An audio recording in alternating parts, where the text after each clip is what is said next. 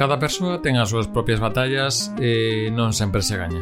Eu recoñezo a miña batalla perdida en canto ao do formato vertical que ben imposto polos teléfonos móviles actuais. Así que imos ceder niso tamén neste micropodcast. Saudos de Iago Gordillo, isto é Un día un xogo. Hoxe imos falar dunha historia sinxela, cotidiana e pequena, pero contada cun grado de inmersión que non se logra noutro medio que no videoxogo. Falamos de Florence.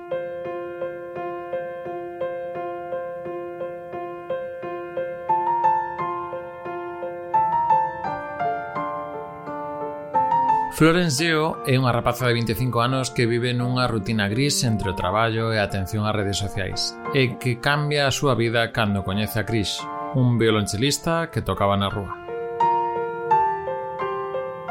Este videoxogo Florence conta unha historia que toca temas sobre coñecer a outra persoa coa que compartes vida ou parte da vida, sobre buscar a orde na vida nos ámbitos profesionais, emocionais e afectivos e dos soños por realizar entre outras cousas.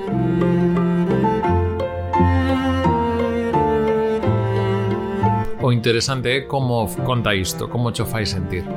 Todo isto baixo unha estética de banda deseñada con predominancia de cores pastel e que nos conta esta historia fixándose nos pequenos detalles no rutinario de estar facendo likes e retweets por redes sociais mentre imos no buso traballo, facendo contas monótonas no propio traballo, ordenando e facendo sitio para unha mudanza para outra persoa no noso cuarto de baño de persoa solteira, E todo isto acompañado da música a cargo de Kevin Penkin que acaba de poñerse o acompañamento e darlle vida ás imaxes que vemos en pantalla, sendo un reforzo importante nos momentos máis emotivos.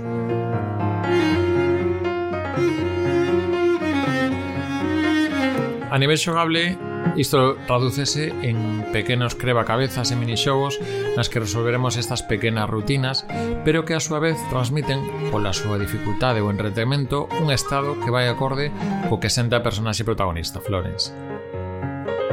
Un exemplo, sen entrar en moitos detalles da trama, que xa tamén é unha cousa curtiña, na primeira cita que teremos con Chris, comezaremos resolvando cabezas nos que temos que ir poñendo as pezas para formar un bocadillo de diálogo de cómic.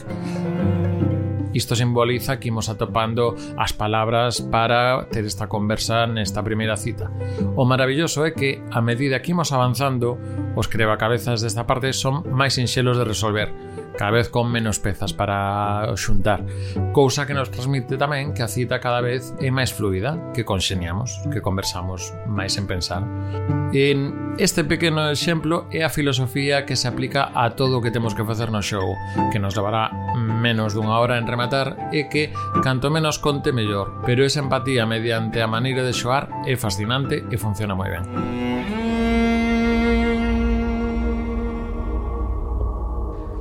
Detrás deste xogo atópase Ken Wong, que traballou tamén no Monument Valley, outro xogo que tivo tamén certa fama eh, sobre todo en dispositivos móviles.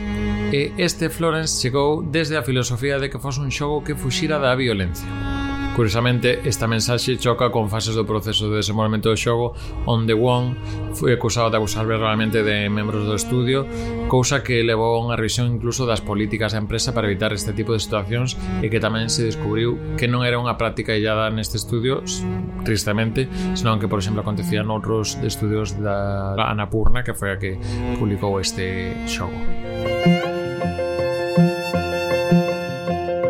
Como dicía ao comezo, estamos a falar dun produto saído originalmente para dispositivos iOS e Android, así que sigue un xogo que naceu originalmente en estilo vertical, en formato vertical, aínda que logo contou con versións para Switch e Windows xa no sentido no que temos colocados os nosos ollos, é dicir, en horizontal.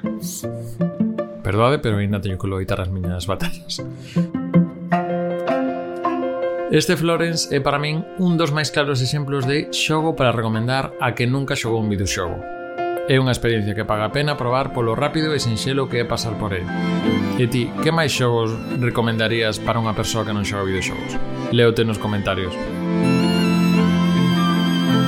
Isto é un día un xogo, o micropodcast de recuncho gamer que tes en Youtube, Spotify e máis plataformas.